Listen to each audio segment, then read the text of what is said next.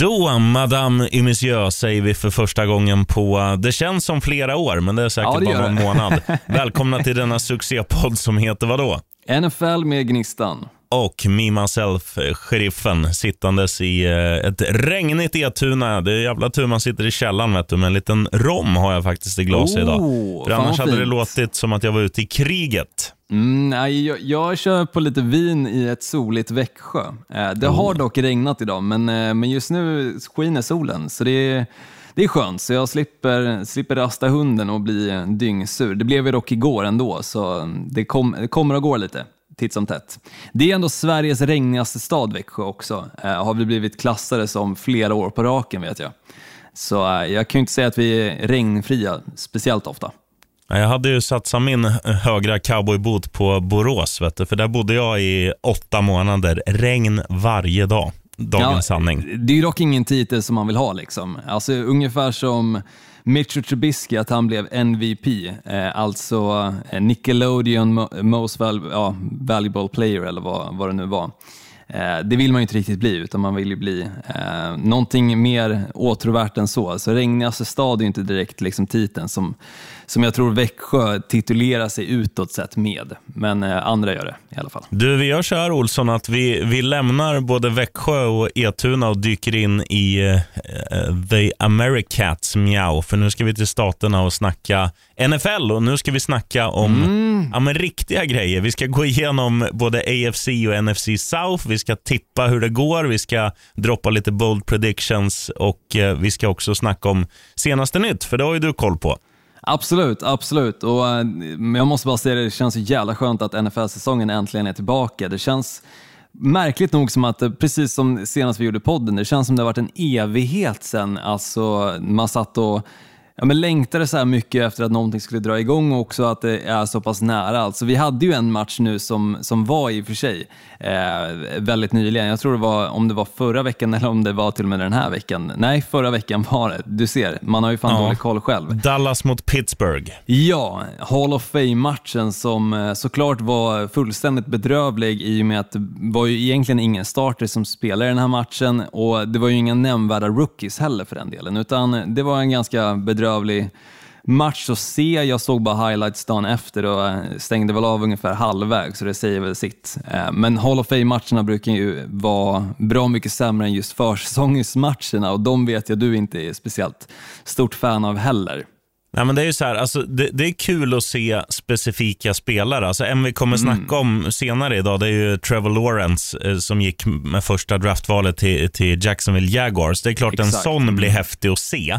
Men så här, om Dolphins har tagit någon tjock jävla linjespelare i femte rundan, det är inte så att jag sitter uppe på natten för att se honom. Liksom. Det ska jag vara Nej, ärlig med. nej, nej, Utan då, är det, då tycker jag det är roligare nu som det har varit. Och först ett, ett fotbolls-EM som var ganska underhållande och nu också ett OS med Framförallt eh, tyckte jag ju höjdhoppsfinalen var jävligt härlig. Eh, mest för, för han sydkoreanen som blev fyra. Jag vet inte om du såg det, men han var ju, han var så jävla glad. Åh fan. Nej, man blir väl inte glad för att vara fyra liksom, utanför pallplaceringen. Nej, men han, hopp, han höjde sitt eh, pers med typ en decimeter. Eh, Oh, så, här, så att han var, och liksom varenda höjd, han bara gjorde ett bättre och bättre pers och var nära att ta bronset. Så att, nej, det, var, det var häftigt. Men, för de eh, som inte vet vad pers är, personligt rekord. Vi, lä vi lämnar även eh, OS och, och lämnar över till Gnistan Olsson med senaste news. Ja, men lite, lite nyheter och rykten kan man säga. För det är, det är ganska mycket rykten som florerar nu i och med att training camp har ju dragit igång. Eh, först och främst kan jag ju säga det att Aaron Rodgers dök ju upp på training camp. Det var ju mycket snack innan liksom off-season, eller under tiden off-season var igång och där vid traden om han nu skulle liksom spela för Green Bay Packers eller eventuellt bli tradad. Eh, han dök ju upp och det verkar som att ett nytt kontrakt är på plats också som om allting eh, känns rätt för Aaron Rodgers så kommer han spela ett år till, alltså ytterligare nästa säsong. Eh, men känns inte allting rätt för hans del och det känns som att det här, den här relationen med Brian Gutekunst, alltså general manager i Green Bay Packers, inte har reparerats tillräckligt bra, eh, så kommer Aaron Rodgers faktiskt att kunna bli tradad nästa år.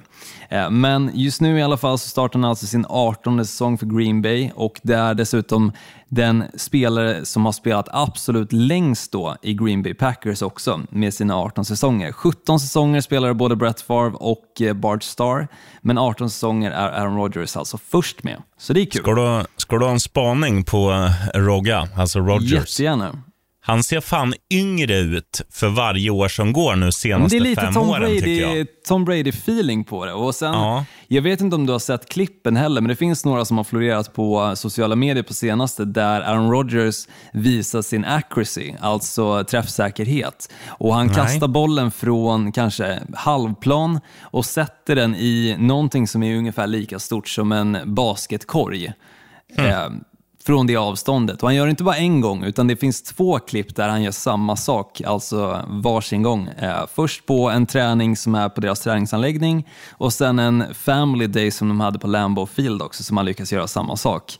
Eh, så det verkar uppenbarligen som att hans eh, ja, åldrande inte är ett problem. Men sen såklart, jag hoppas bara för hans egna skull, jag såg en presskonferens nämligen med honom när han kom tillbaka till då Green Bay där han gick igenom exakt anledningarna till varför han valde att dels hålla utifrån eh, OTAs, alltså eh, ja, som ett minicamp liksom, och sen väl då dyka upp till training camp och vad som egentligen var anledningen till hela det här debaclet som jag tror alla som följer NFL någonstans har följt. För det har varit intresse av olika anledningar. Antingen kan Aaron Rodgers kanske hamna i mitt lag eller kommer Aaron Rodgers försvinna ifrån NFC North så kanske ett Lions-fan blir superglad och äntligen ser att det finns en chans att vinna en Super Bowl.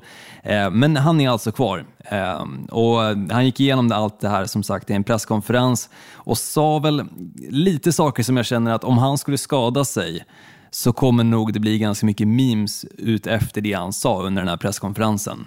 Eh, Så jag håller tummarna för Aaron Rodgers del och Green Bay Packers såklart, med tanke på att jag är ett superstort fan. Eh, Och en alla annan- andra som lyssnar håller tvärtom. Eh, fortsätt. Ja, precis. Men som sagt, alla har ju följt den här nyheten under off-season i alla fall av olika anledningar som sagt.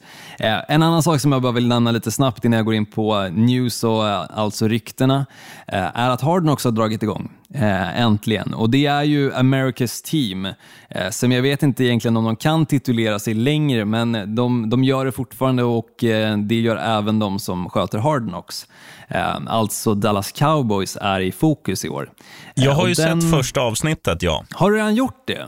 Ja, och jag, jag måste bara säga så här att man förstår att Dallas Cowboys kallas America's team, för det är, alltså de ska bara ut och liksom deras första träning. De ska ut och känna på grejerna. De har liksom inte ens full outfit. De har liksom, ja, de har inga axelskydd på sig om man säger, Ingen, ingenting på överkroppen.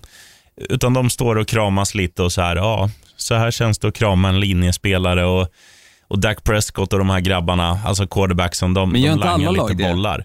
Jo, men det, in- det har inte med vad spelarna gör, utan det har med vad fansen gör. Det är fan Mm. m- mer folk på deras träningsanläggning. De liksom vallfärdar dit. Det, det är mer folk där än vad det är när, när Skogsröjet har som en festival. De, de liksom har bokat, ta något nå partyband, säg Airborne från Australien Ja, ska lira på Skogsröjet. Ja, det, Mm. det är mer folk på Dallas Cowboys träning. Liksom. Oh fan. Ja, nej, jag har ju inte sett första avsnittet, men jag är ju lite så skeptisk med tanke på att jag tycker förra säsongens Hard Knocks var sådär med LA Chargers och eh, Los Angeles Rams. Och... Men det var så mycket fokus på, på um, covid. Nu är det, nu är det liksom på fotboll igen. Och, och jag, jag säger så här, jag, jag tycker inte att det här var det bästa avsnittet jag har sett i Hard. Knocks historia. Men samtidigt, jag, jag tycker att de, de gör, gör rätt nu, för de profilerar liksom storstjärnorna. Det är mycket fokus på Dak Prescott, det är mycket fokus på Ezekiel Elliott och också deras både kemi och deras eh, vänskap.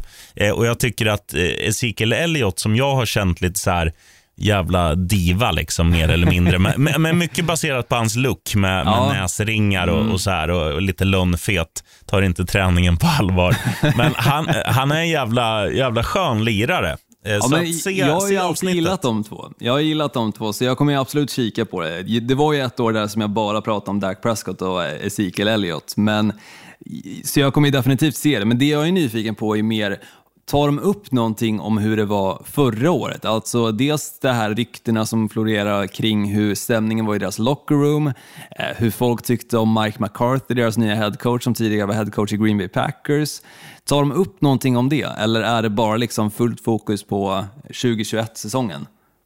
Ja, alltså nu har jag ju bara sett första avsnittet, men det de framförallt gör, det är att de, som sagt var, Dak Prescott mycket fokus, Elliot mycket fokus och också eh, ägaren Jerry Jones, som också han är en ganska karismatisk snubbe ja, och en som, en som är mm. rolig att lyssna på. Han, han, jag ska inte spoila mer än att han säger att Eh, han har ju ett mål med sitt eh, Dallas Cowgirls. Jag kan rekommendera dock gällande just deras eh, ägare Jerry Jones, en, den här dokumentären var A Football Life heter den, finns faktiskt på Viaplay, mm. med just Jerry Jones där han berättar liksom om hur han blev ägare för just Dallas Cowboys och vad som liksom har skett under tiden under deras liksom mästerskapsruns som de hade. Dels såklart mest 90-talet då, som som var absolut största för Dallas Cowboys sida. Ehm, men just in, intressant dokumentär och man får ju verkligen se honom och hans personlighet liksom komma fram väldigt mycket. Samt också eh, hans barn som, som lyfts fram mycket i den dokumentären också. Eh, så det kan jag rekommendera starkt. Just de som älskar Dallas Cowboys och eh, kanske är lite nyfikna bara på han som, för han är väl en av om man kikar på NFL, mest liksom namnkunniga eller så eh, ägare faktiskt. Ja, det är fan Just den Jerry enda Jones. ägaren jag kan tror jag. Ja, man har ju koll på Robert Kraft också. Mycket kanske just för att man har sett honom så pass många gånger lyfta just eh, Lombardi Trophy efter en Super Bowl-seger. Jag pratade såklart om eh, ägaren för New England Patriots. Han har man fått se x antal gånger, men det är inte så jättemånga andra ägare som, som lyfts upp på det sättet, som exempelvis Robert Kraft eller Jerry Jones i det här fallet. Um, så bra, bra dokumentär som jag kan rekommendera i alla fall.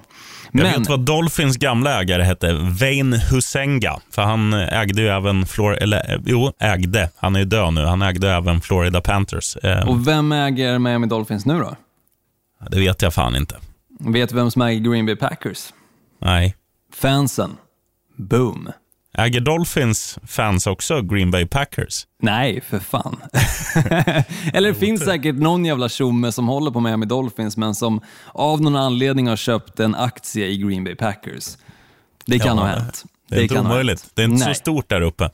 Men Nej, eh, fortsätt att spotta över dig tandskydd och nyheter, Olsson. Ja, eh, det är nämligen så att Bengals tycks ha lite problem redan nu under eh, training camp. Det är nämligen så att Joe Burrow har det svårt att komma tillbaka till sitt forna jag efter korsbandsskadan som han ådrog sig förra säsongen. Och dessutom hans tidigare LSU-lagkamrat, alltså wide receiver och första rundevalet Jamar Chase, har också han en uppförsbacke efter att inte spelat sedan 2020, alltså januari då Eh, och får alltså inte samma separation som han fick i college. Så det är ett litet frågetecken såklart på hela Bengals, men framförallt på kanske de två mest tongivande spelarna som, som åtminstone kliver in i den här säsongen. Då första rundevalet förra året, Joe Burrow, och alltså deras wide receiver Jamar Chase. Men det är ju ett jävla skitlag. Hela det där, hela det där, jag ska inte säga att det är ett skämt, men alltså, hur många gånger har man inte snackat upp Bengals? Det är liksom inför varje år. Det var, det var samma när de hade Nej, Andy Dalton. Jag tror, jag tror aldrig jag har pratat upp Bengals faktiskt. Jag har, jag har gjort det, alltså när man började följa NFL, när, när mm. liksom Andy Dalton var ung och lovande och så hade de ju lite roliga wide receivers och de fick in de här... Han var fortfarande rödhårig och inte gråhårig. Ja, vad heter han? Troy Palamalu, han kanske var i Pittsburgh. Men han var i Pittsburgh och ingen wide receiver, utan någon sån där, Ja, jag vet. Jag, mm. jag snackar inte wide receivers, men jag Nej, menar okay. ju, de hade ju någon, någon skön, eh, stor sån där med liknande namn. Ja, men de eh. hade ju eh, Ochocinco, hade de ju. Ja, men han wide är wide receiver. Ja, och men han, han hade de ju. Ja, men de hade ju sköna lirare ja, liksom på alla exakt. positioner och, och de, det kändes som att de var på gång. Och nu så här, när Mixon kom fram kände man ja han kanske kan bli en ganska bra running back och så draftar man Burrow. Men nej, det, ingenting flyger ju det där. Men det, det, tar vi när vi snackar om den divisionen. Ja, eh, det, det kommer vi definitivt göra. Eh, jo, nämligen till en annan wide receiver då. Stjärn-wide receiver Michael Thomas och Saints tycks vara på väg åt olika håll. Det är nämligen så att Thomas har inte svarat på samtal från Saints på tre månader. Och Saints har varit otåliga med honom sedan förra året, dels på grund av en skada som han inte ville operera, men också på grund av en fight som bröt ut på ett av, eh, deras, ja, en av deras träningar. Eh, så den här dispyten kan mycket väl leda till en pre-season trade. Jaså, det hade ju varit en riktig alla bomb, för nu snackar vi ju crème de la crème. Det här är ju kanske ligans bästa wide receiver vi snackar om. Ja, Devonte Adams är ju den bästa. Ja, Okej, okay. näst bästa då. Men, men, en, av, en på samma hylla som liksom DeAndre Hopkins. När han tradades så var ju det en, en chock. Det var ju en, det man kallar för jords jordskalvstrade. Liksom. Det, det skakar ju om hela styrkeförhållanden. Eh, det kommer vi säkert också nämna när vi, när vi snackar Texans, som mm. vi kommer mhm. surra om detta avsnitt. Men, men just om, om, eh, alltså, om Thomas skulle lämna Saints, det skulle vara, det skulle vara sinnessjukt. Ja, och, och ifall han lämnar på liksom, dels förra säsongen som knappt var en säsong för Michael Thomas del. Han hade ju ingen touchdown. Eh, han spelade knappt någon match under säsongen som var. Eh, och det var ju inte alls samma Thomas som vi fick se då 2019. Eh, men sen då att han vägrar operera sin liksom fot, tror jag att det är, eh, som, som problemet ligger. Och, och det är ju ett beslut som såklart får ligga hos honom, men sen gör han det under off-season nu. Eh, och vilket innebär att han kommer missa tid nu när han väl i så fall skulle komma tillbaka, men då verkar ju den här dispyten ha blivit så pass stor så att han, han verkar inte ens dyka upp. Han är som sagt inte på, på training camp nu heller, eh, men det verkar som att han, han har inga intentioner av att liksom komma tillbaka till Saints. Så då har de ingen annan anledning än att, eh, eller val att, än att trada honom. Eh, så intressant är liksom var skulle han passa? Vilket lag skulle Saints vara villiga att trada honom till och i så fall för vad? Ja, alltså vart skulle han passa? Han skulle gå in i, i varenda lag i ligan, men det måste ju vara... Hans, hans personlighet passar dock inte med varenda quarterback i ligan, utan det kräver ju någon alltså, quarterback som ändå kan handskas med just en personlighet som Michael Thomas. För han, han är ju ganska eh, extravagant och också eh, ganska hård i liksom spelet. Eh, om, man, mm. om man ser liksom till att han vill ha passningarna, han blir förbannad om han inte får passningarna. Eh, Half står och liksom skriker på Drew Brees i vissa matcher för att han inte får liksom de spelen som han, han tycker liksom att han var helt öppen kanske. Eh, visst, vi såg ju 2019 att när, när väl Drew Brees passade till honom, ja, men då blev han ju ligans bästa wide receiver just i året.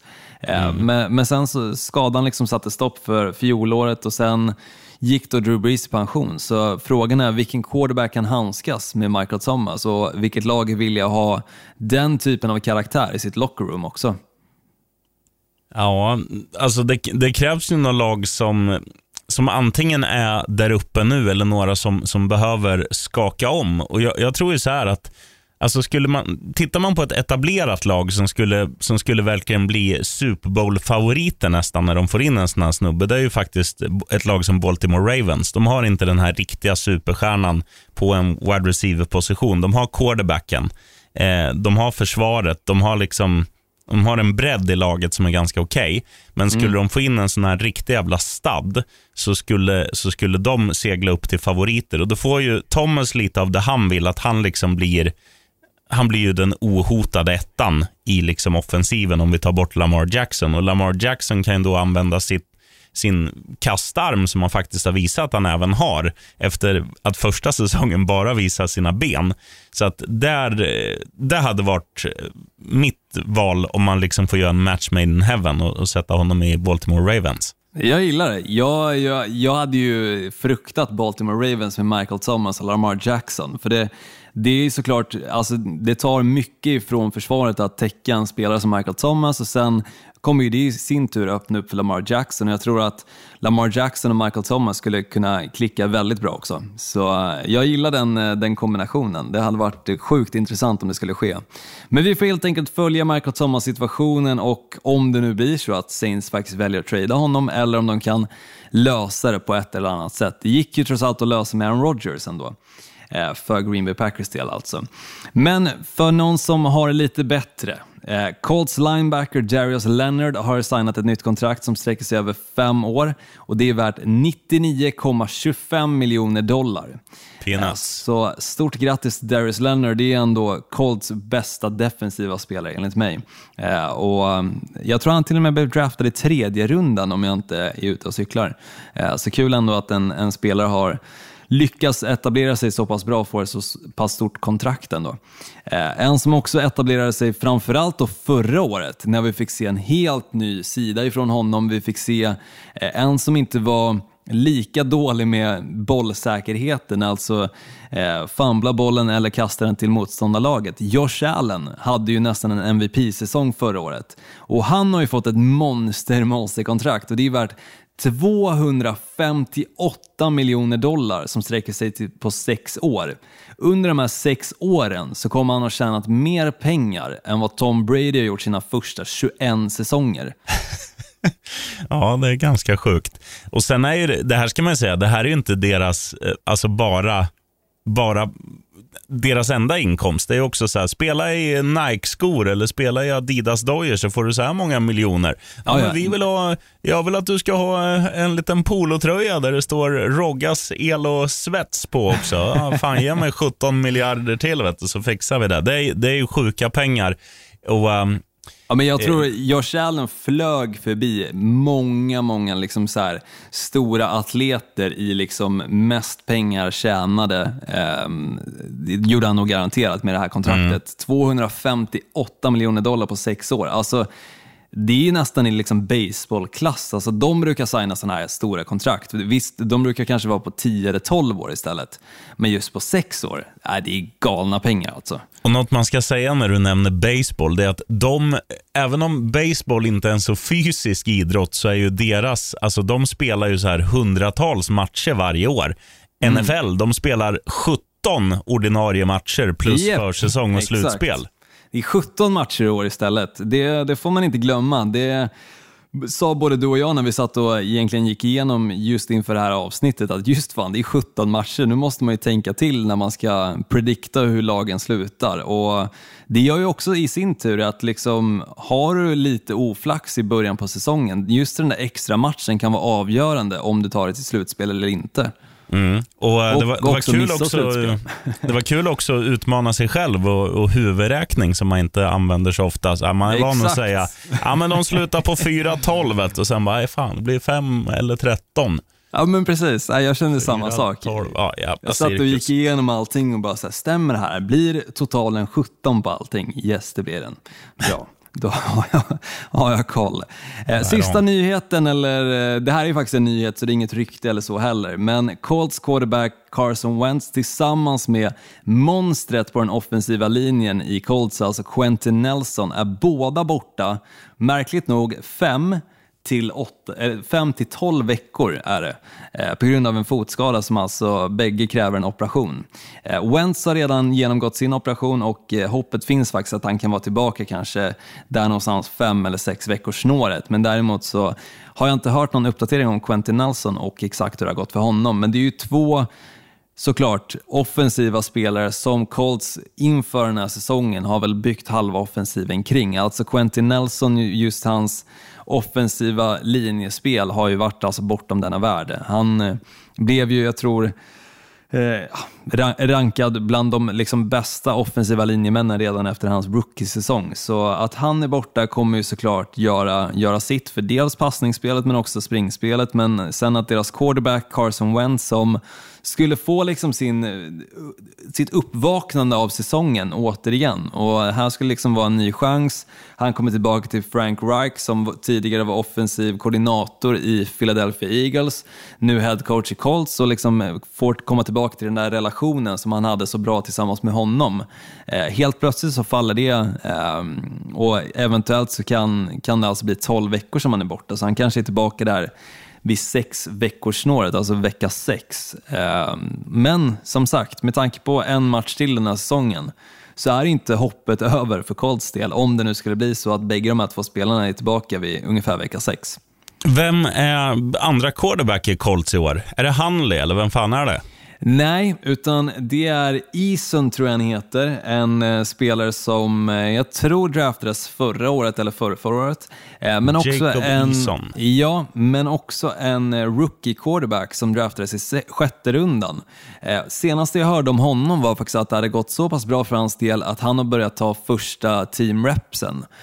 Så mycket möjligt nu i helgen så kommer vi få se honom som starting quarterback och sen kommer Eason backa upp honom helt enkelt. Så bägge de två tror jag vi kommer få se extremt mycket under försäsongen. Det kommer var- varieras mycket och eh, ett beslut måste ju fattas därefter för Mest troligen alltså vecka ett så kommer inte Carson Wentz vara tillbaka utan eh, det kommer nog kanske först bli vecka två eller tre för jag tror inte Colts kommer vara villiga och känna sig redo att starta honom oavsett om allting har gått superbra med just tanke på eh, Carson Wentz skadehistorik också. Mm. Eh, ska vi göra så eftersom att vi surrade om Colts att vi inleder i deras division AFC South eller vill du börja med NFC där regerande mästarna Tampa Bay huserar?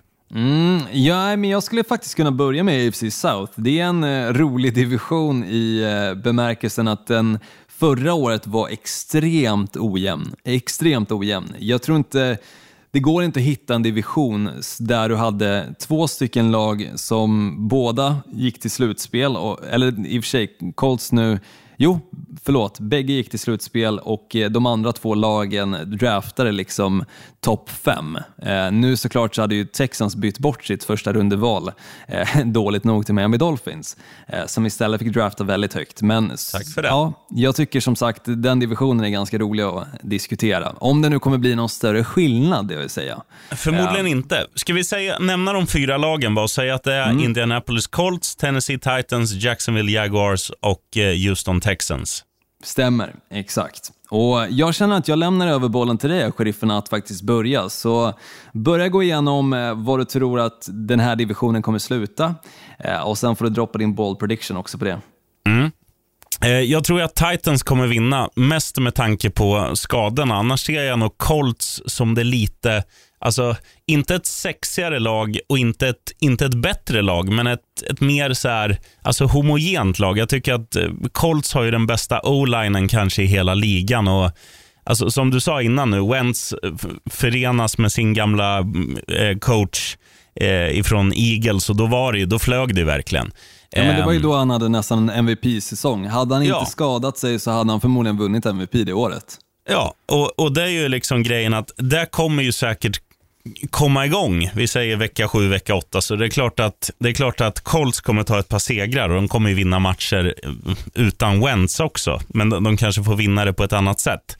Eh, men jag tror att Titans vinner. De gör det på eh, 12-5. 12 vinster, 5 förluster. Alltså, Derrick Henry är en jävla maskin. Tannehill har ju fått en riktigt fin lekkamrat nu i Julle Jones som kommer ifrån Atlanta Falcons. Han och, Exakt, Age- den är ju han och eh, enorm.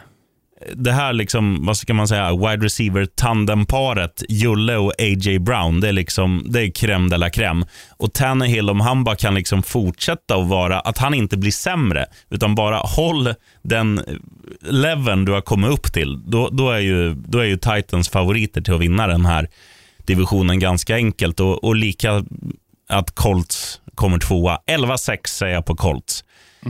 Eh, men sen Olsson, så vet inte jag vad du tror, men jag tror att Jacksonville får ett roligare år i år. Och, och det är för att alltså, det blåser lite sköna vindar där. Varma sydostliga vindar i Duval, som de säger.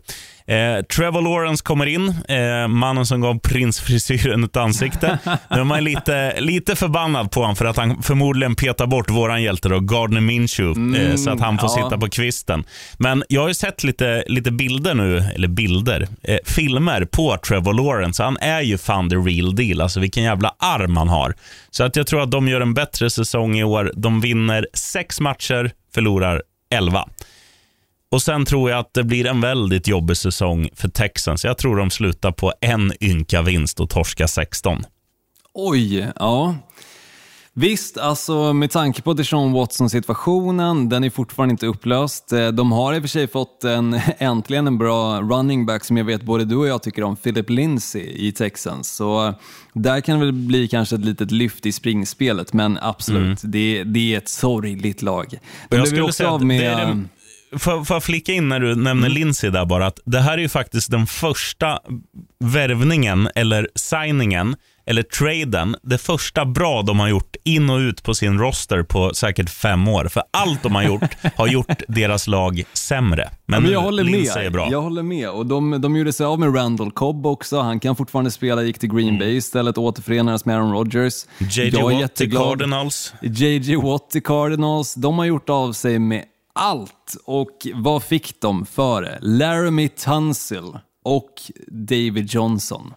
Ja, det är, bara, det är bara att gå och lägga sig. Ja, men man fattar ju att Deshaun Watson alltså, blir ju deprimerad och vill därifrån. Sen, sen vad han gör utanför planen, det, det är väl inte lika positivt såklart. Men eh, nej, det, det är sorgligt som sagt. Sorgligt lag.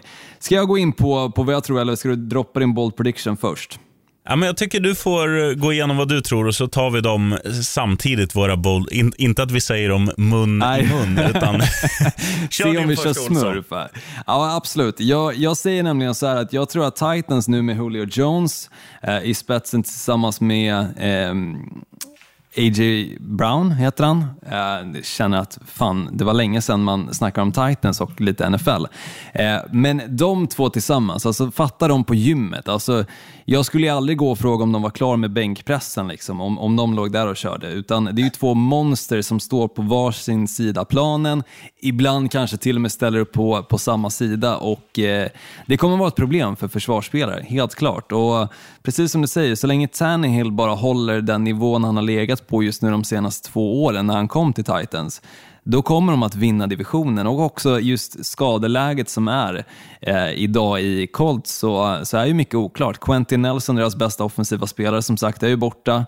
Eh, hur länge det vet vi inte riktigt och samma sak med Carson Wentz. Och det är inte ett alltså, formula för att vinna en division, utan Titans fixar det och jag ser att de fixar det också med 13-4 som, som record. Colts å andra sidan, som sagt, jag tror att det kommer nog dröja lite längre innan de kommer starta Carson Wentz och jag tror att Quentin Nelson också kommer dröja lite innan han väl kommer tillbaka. På grund av det och också den här osäkerheten som just nu är med deras quarterback så tror jag att de kommer förlora ganska många matcher i början och jag tror att de kommer sluta upp på 9-8 istället. Sen om man kikar på- jag druckit upp rommen här. Ja, men eh, då kommer hicken. Eh, men om man kikar på Jaguars i alla fall. Eh, jag håller med, det blåser lite sköna vindar där nere i Duval County, men jag tror inte att de blåser tillräckligt skönt för att det ska ta sig speciellt långt, men såklart, allt som är mer än en vinst är ju bättre än förra året. Och fem vinster, tolv förluster är ju såklart bättre, men Eh, det kanske inte är det som eh, fansen av Jacksonville Jaguars riktigt hoppades på när de draftade Trevor Lawrence, men man får också se det som att det är hans första säsong och eh, Peyton Manning, vad fan, hans första säsong är en av de sämsta av en rookie quarterback som ändå senare gick till Hall of Fame, vilket han invaldes förra veckan i. Ja, och sen kan man inte säga så här heller att, att om han om de vinner en match i fjol och de vinner fem matcher som du säger i år, alltså räkna den procentökningen, det är 500 procent. Det är ganska Jo, men jag bra säger ju avkastning. det. Jag säger ju det. Det är ju en bättre säsong, men det är ju fortfarande ingen säsong som jag tror Jacksonville Jaguars-fansen kommer känna när den väl summeras, att det var liksom en säsong att minnas. Utan jag tror att de, de kommer få mer smak av Trevor Lawrence och eh, running backen som draftades från samma college, Clemson alltså. Eh, De kommer få mer smak på offensiven och de kommer få mer smak på Urban Meyer som deras head coach. Men de kommer ändå ha liksom en sur, sur liten smak i munnen från den här säsongen, att det inte gick bättre. Eh, och framförallt också att Colts, som hade my mycket liksom skadedrabbade spelare redan innan säsongen drog igång, två väldigt tongivande dessutom, eh, att de ändå lyckades vinna nio matcher. Nej, det kommer vara jobbigt för Jacksonville Jaguars-fansen ändå. Jag tror de är glada om, om de vinner fem, sex matcher. Det tror jag faktiskt. Det hade jag varit. Ja, men du, du är ju ändå en sån som oftast håller på lag som inte går speciellt långt, Griffen, så, så jag förstår det. Ehm, men, men vi kommer gå igenom Miami Dolphins i senare skede. Eh, Texans då, om vi går in på dem. Eh, jag tror precis som du, alltså det, det är en säsong där, där det inte kommer gå superbra. Eh, det kommer i alla, i alla fall inte att gå bättre än förra året. Men jag tror ändå att de vinner fler matcher än en match och jag säger det med anledning av att det här är liksom ändå atleter som är några av de bästa i världen på det de gör. De kommer inte lägga sig ner och liksom gråta efter några förluster utan jag tror att de kommer på ett eller annat sätt, alltså på något mirakulöst sätt så kommer de vinna några matcher och fyra stycken kommer de lyckas ha knaprat ihop sig när säsongen väl är över. Eh, 13 förluster blir ju det i, i den kategorin då. Så fyra vinster, 13 förluster. Mm. Och bold prediction, där får du börja då, sheriffen. Eh, jag tror ju då så här. Alltså, det, det, det, finns ju de bold predictions som är boldare, men jag tror att Houston Texans då är sämst i hela ligan, så de draftar först nästa säsong. Har de kvar sitt första rundeval i så fall? Nej, det, det är den fan. stora men, frågan. Men om, om, vi, om vi lägger fram det så här då. De har det sämsta recordet i ligan. De, ja. de vinner alltså en match, förlorar 16. De är sämst av alla 32 lag i NFL, det tror jag. Ja, vi, vi, får dubbelkolla det där bara om de, om de faktiskt får behålla i så fall first overall pick eller om det är så att de har tradat bort det till någon annan. Jag vet faktiskt inte exakt hur det ligger till, men jag tror att Miami Dolphins har redan liksom städat av sina first round picks som de har fått ifrån eh, Houston Texans. Men, men annars är det ju Miami Dolphins som draftar först. Um, så, det hade varit så nice. Vindarna blåser nästan bättre, eller de blåser för fan bättre i, i Miami. Det, det var ju nästan slutspel förra året. Och du eh, satte, men, ju, du satte ju Duval där uppe i Jacksonville. Vad heter, vad heter Miamis country då? Kan du det? Eller county? Mm. är det inte Miami Gardens? Nej, det är Som själva stället där arenan ligger. Det, ja, ja, det nej, heter ju, Miami tillhör ju Dade och Fort Lauderdale tillhör ju Broward. Okej, okay. ja. ja. Miami Gardens ligger däremellan. Men det tillhör antingen Dade eller Broward. Ligger det på gränsen precis alltså? Ja, det, det går ju ihop allting där, okay. vet du, den jävla soppan. Ja, det, är, det låter verkligen som det. Ungefär lite som, som Houston Texans de senaste åren. Ja. Allting går bara ihop, man, man, vet inte riktigt ut och in på det där laget längre. Eh, men min bold prediction då handlar inte om Houston Texans, utan det handlar faktiskt om Trevor Lawrence. Och jag tror att han kommer, ungefär som Peyton Manning, han kommer ha en bedrövlig rookie-säsong och alltså endast vinna, för hans del då, fyra matcher som starter för Jaguars. Och Det innebär alltså att vår lilla polare Gardner Minshew, tror jag, kommer gå in och antingen kliva in i början på säsongen eller mitten eller slutet eller när det nu än blir och faktiskt vinna en match för Jaguars. Ehm, så de kommer sluta på fem vinster, men av de fem så har bara Trevor Lawrence lyckats knapra ihop fyra stycken. Fegt. Var det feg bold prediction menar du? Ja, det var, den känns ju mer rimlig än något annat i, i världen. Nej, men han kommer, han kommer ju ha en bedrövlig rookie-säsong. Det tror jag inte alla tror. Alltså, jag menar statistiskt sett, inte bara i vinstkolumnen. Mm. Eh, utan alltså statistiskt sett när man väl kikar på Trevor Lawrence första säsong eh, så kommer det vara frågor om den som man aldrig i framtiden kommer att svara på på presskonferenser om man inte har väldigt liksom, god humor och, och kan ta ett litet skämt. det ska bli jävligt kul att se honom i alla fall och det ska, ja, bli, jävligt kul det. Och, och det ska bli jävligt kul att se Gardner Minshew sitta på bänken och bli liksom inzoomad när han sitter och drar i sin mustasch och grejer. Alltså. Och, ja, han, han har ju rakat av sig. Han har ju rakat av sig hår. Alltså, jo, han har ju innan, klippt den. Ja. Innan vi bara går vidare, oavsett hår, mustasch, hockeyfrilla, hängselbrallor, oavsett hur han är klädd, Följ Gardner Minshew på Instagram, alla ni som lyssnar. Det, det finns få människor som tillhör liksom elitidrottsdelen av ja, internetspektrat som är roligare att följa. Alltså, han är fantastisk.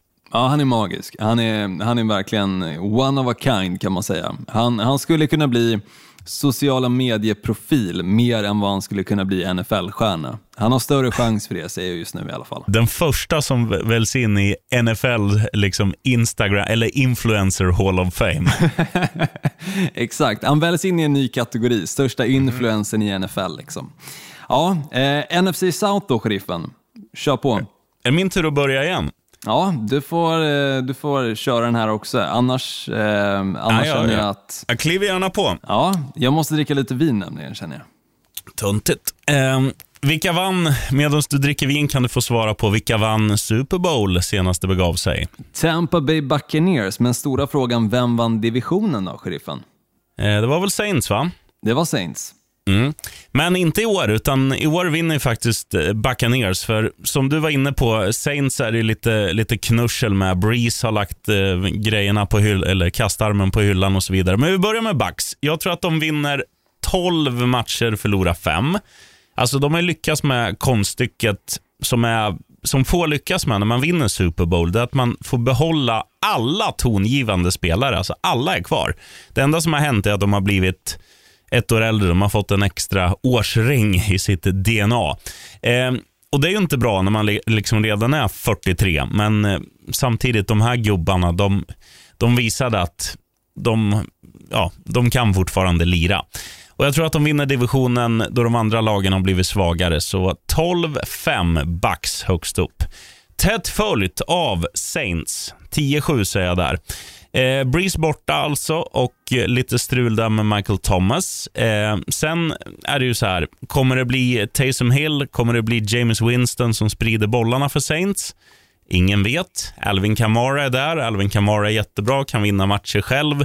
Och, eh, alltså, det finns många sådana här spelare som, som är Ted Ginn Jr och fan allt vad de heter, är ju bra. Liksom. Så att Det är inte så att Saints, bara för att Breeze är borta och för att Michael Thomas tjurar lite, som du sa, han, förra året, han gjorde fan inte ett piss, ändå vann de divisionen. De kommer vara där uppe och slåss i år med. 10-7 Saints, tvåa. Falcons, kan du låta som en falk?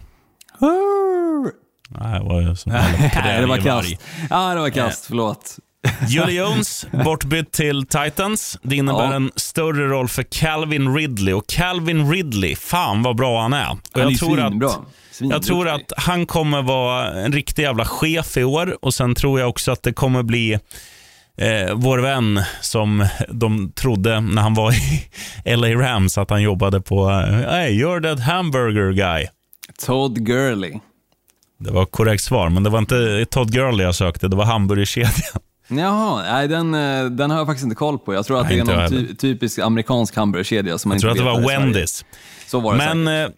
Eh, i alla fall, han är ju där och jag, jag, jag, tror ju att han måste ju fan studsa tillbaka nu. Han har varit riktigt blöt senaste tiden. Så att eh, Calvin Ridley, stor roll. Wide receiver. Todd Gurley, stor roll. Running back. Eh, och kan också fungera som någon, någon typ av väldigt så här, mobil running back. Matt Ryan, nej, ganska, ganska slut, men fortfarande liksom rutinerad och vet, vet vad han ska göra. Annars är det liksom samma Falcons som senaste åren som vi har lärt känna sen de förlorade Super Bowlen mot Patriots för, vad är det, är det fyra år sedan nu. Eh, att de är ju alldeles för dåliga bakåt för att det här ska kunna bli något, men de är också alldeles för bra offensivt för att det ska bli en riktig pissäsong. Så 7-10. Mm. Mm. Ja, men låter bra. Och eh, sist då, men inte minst, Ja, Carolina Panthers. Och Det som är lite tråkigt här, det är att det här är ett lag som jag tycker om. Mest för att de heter Panthers, tror jag. Men, eh, för det heter ju mitt Florida Panthers för dig som inte fattade. Och Det som har hänt nu i Carolina Panthers, det stora, är att de har fått in en ny quarterback, eh, hämtad ifrån Jets. Vi snackar Sam Darnold. Och Han har inte fått Jets att flyga. Och De är ju liksom ett jämnstarkt lag med Carolina Panthers, skulle jag säga, om, om man tar bort Christian McCaffrey. För Krille McCaffrey är fantastiskt bra, men han hade en jobbig fjolårssäsong med skador och grejer. Han kommer studsa tillbaka och vara bättre än i fjol givetvis, eftersom han kommer spela mer. Men han kommer inte vara lika bra som när han var ligans hetaste offensiva spelare. Så att, eh, nej, tyvärr, de slutar sist i divisionen. Fyra vinster, 13 förluster. Carolina Oj. Panthers.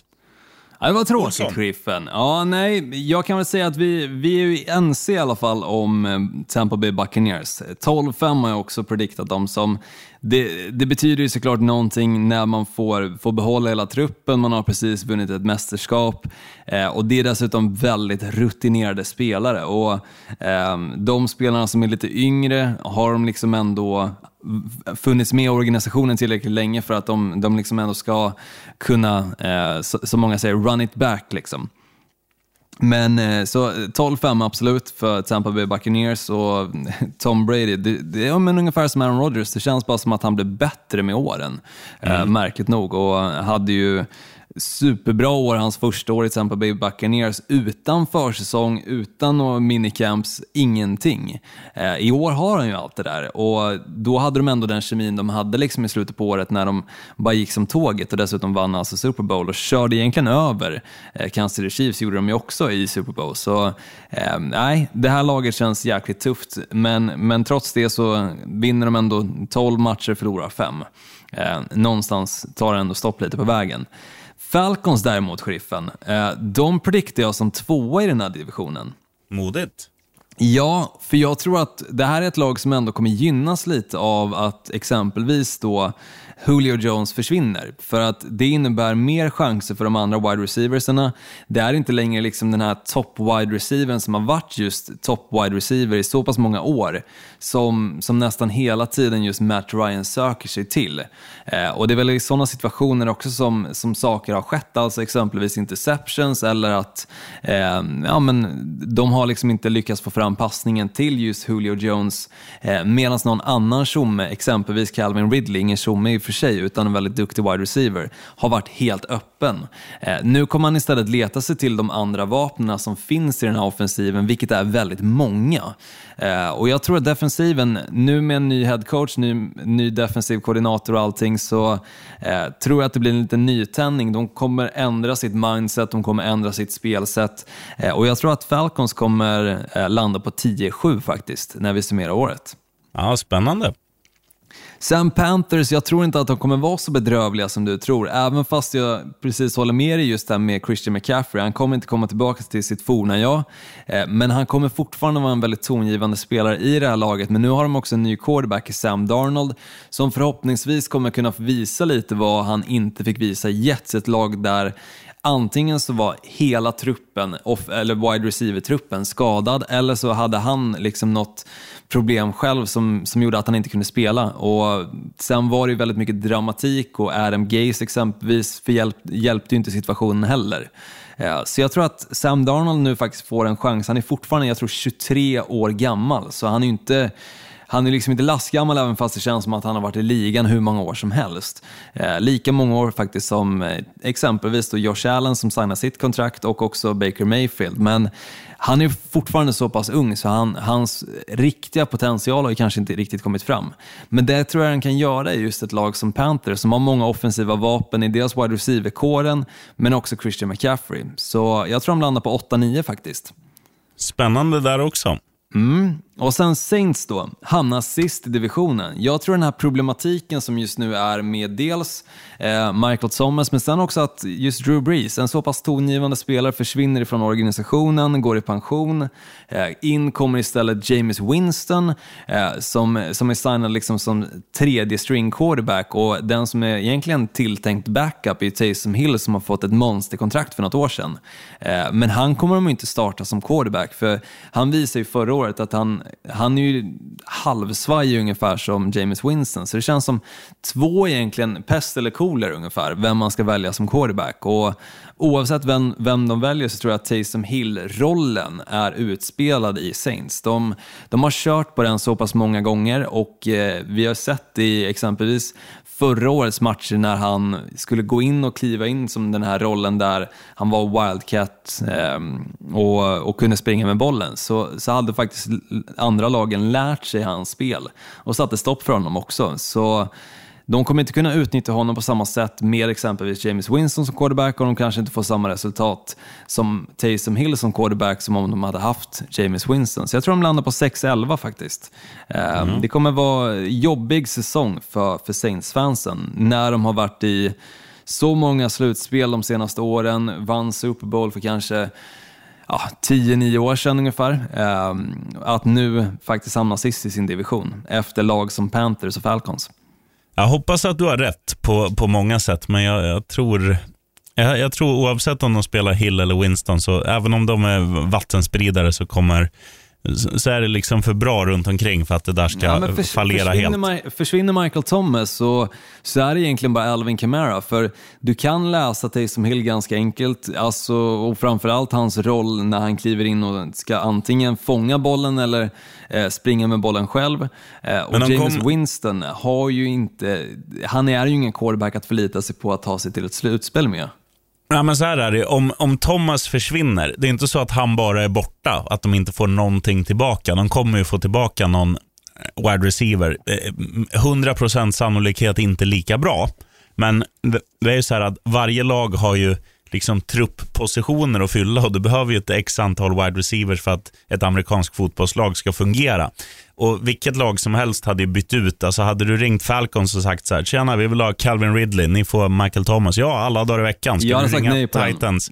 Ska du ringa Titans och säga, ni får Julie Jones som är hur gammal som helst? Ja, absolut. Eller ringa Dolphins och säga ja vi kan ta eh, Parker eller vem som helst. Ja, det är klart ja, man gör det mot Michael Parker, Thomas. Parker-dealen förstår jag mer. Eh, Calvin men, Ridley hade jag behållit. Han är, ja, han är så pass det ung kanske jag också hade gjort. Ja. Men, men just den där grejen att Alltså det, är, det är inte så att han bara kommer gå upp i rök och försvinna, utan man, man kommer ju hitta en, en ersättare som inte kommer vara lika bra, men en, en, en som kommer fylla en, en funktion.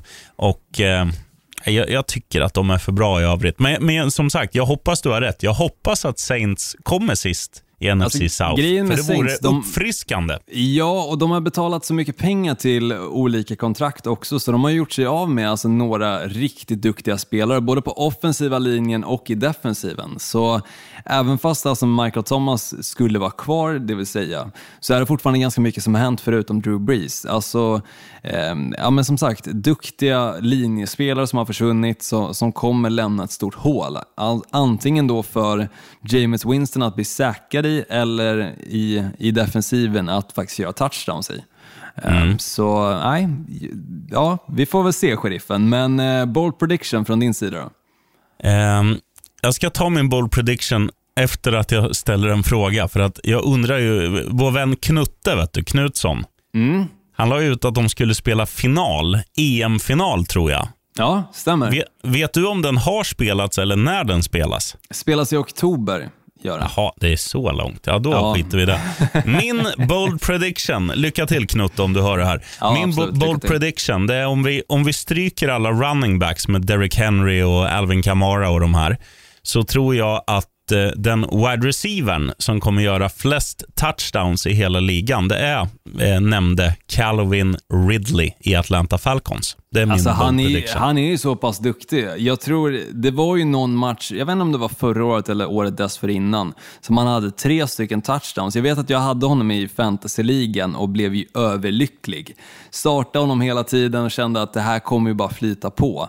Eh, det måste varit nästan för, förra året tror jag, för, för förra året var Julio Jones tillbaka i många matcher och då fick han lite bollar och sådär. Eh, men, men ja, jag, jag tror att han, hans roll blir ju större nu och med det så kommer ju han, hans statistik att bara skjuta i taket. Eh, så absolut, Calvin Ridley eh, kan definitivt lyckas med det. Bold prediction från min sida, också Falcons här faktiskt. Jag ser att de går till NFC Championship. Oh. Där är en bold alltså prediction. Ett av, de, ett av de fyra bästa lagen i ligan. Japp, och ett av de eh, två bästa i, i NFC då, det vill säga. Så mm. um, jag tror att de tar sig dit. Sen om de tar sig till, hela vägen till Super Bowl, det vågar jag inte säga. Uh, men, uh, men jag tror att de någonstans på vägen, de kommer kliva in som wildcard såklart i slutspelet och väl där så kommer de knocka någon av de riktigt stora pojkarna eh, ifrån från chansen att ta sig till NFC Championship och, eh, och därefter så får vi se vad som händer. Ja, chansen. Eh, jag flickar in en annan, en, en liten bold prediction som jag vet att du älskar. Det handlar då om din polare Winston, James i förnamn, James mm. Winston och din andra polare Darnold, Sam i förnamn. Jag tror att Sam Darnold har fler interceptions än interception-maskinen eh, James Winston. Oj! Ja, den, den kan absolut hända om James Winston sitter på bänken efter de första fyra matcherna. Ja, de kommer ju varva lite, tänker jag. Men, men också att, att Darnold kommer bli en riktig jävla flopp i Carolina. Det tror jag faktiskt. Ja, det är enda chansen jag ser det hända. James Winston startar de fyra första matcherna, slänger x antal interceptions, fler än touchdowns och eh, därefter så bänkas han. Taysom Hill kommer in istället gör jobbet halvdant. De slutar på sex vinster, elva förluster. Sam Darnold däremot, han, han kommer spela säsongen ut och eh, med det sagt ha fler matcher och göra fler interceptions. Eh, men sen hans, resten av statistiken kommer se bättre ut för hans sida. Vi summerar Olsson. AFC, då tror vi alltså, eh, båda tror Titans, Colts, Jaguars, Texans i den ordningen. Stämmer bra. Och sen har vi lite meningsskiljaktigheter när det kommer till NFC. Mm, jag tror Buccaneers, Saints, Falcons, Panthers. Och jag tror Buccaneers, Falcons, Panthers och Saints. Intressant. Och det roliga här, sheriffen, vi måste ju behålla den här statistiken, alltså det vi har skrivit ner inför den här podden och se till att sen när, när väl säsongen är över så summerar vi såklart vem som hade flest rätt. Och med det sagt, sheriffen, nu, nu pratar jag alltså bara var lagen hamnar i divisionen, inte exakt vilket record de landade på. Mm. Uh, för den är alltid lite svårare såklart.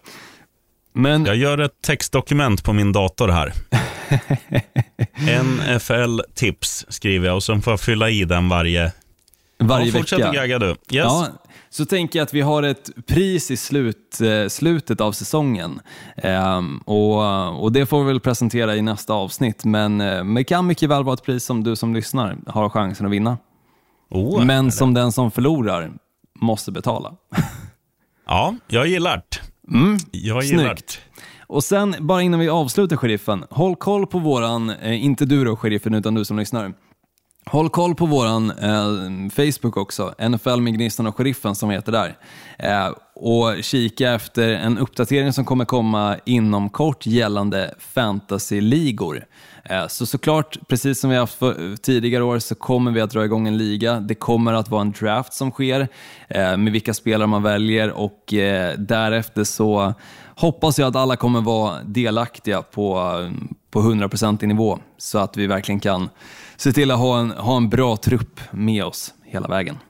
Ja, alla utom jag kommer vara aktiva för att jag, jag har mycket annat att stå i. Ja, du är ju så dålig på att vara aktiv, sheriffen. Uh, jag, jag tycker inte första... det är kul med allt som är, Jag tycker det är kul med reality, men fantasy, det är så här, jag, kan, jag tycker inte ens det är kul att drömma. Då vill jag bara vakna. Så här, bort med den här jävla skiten, det är inte på riktigt. Som du hör, sheriffen kommer inte vara med i fantasyligan. Men jag, jag kommer, kommer, vara med. Jag kommer säkert vara med, men Du jag får inte vara med, sheriffen. För du kommer glömma bort det och så kommer du starta din trupp som du gjort de senaste två åren. Med liksom hälften är på bioweek och resten av hälften är på injury reserve-listan. Och så får ja, du noll poäng och så olika, vinner man.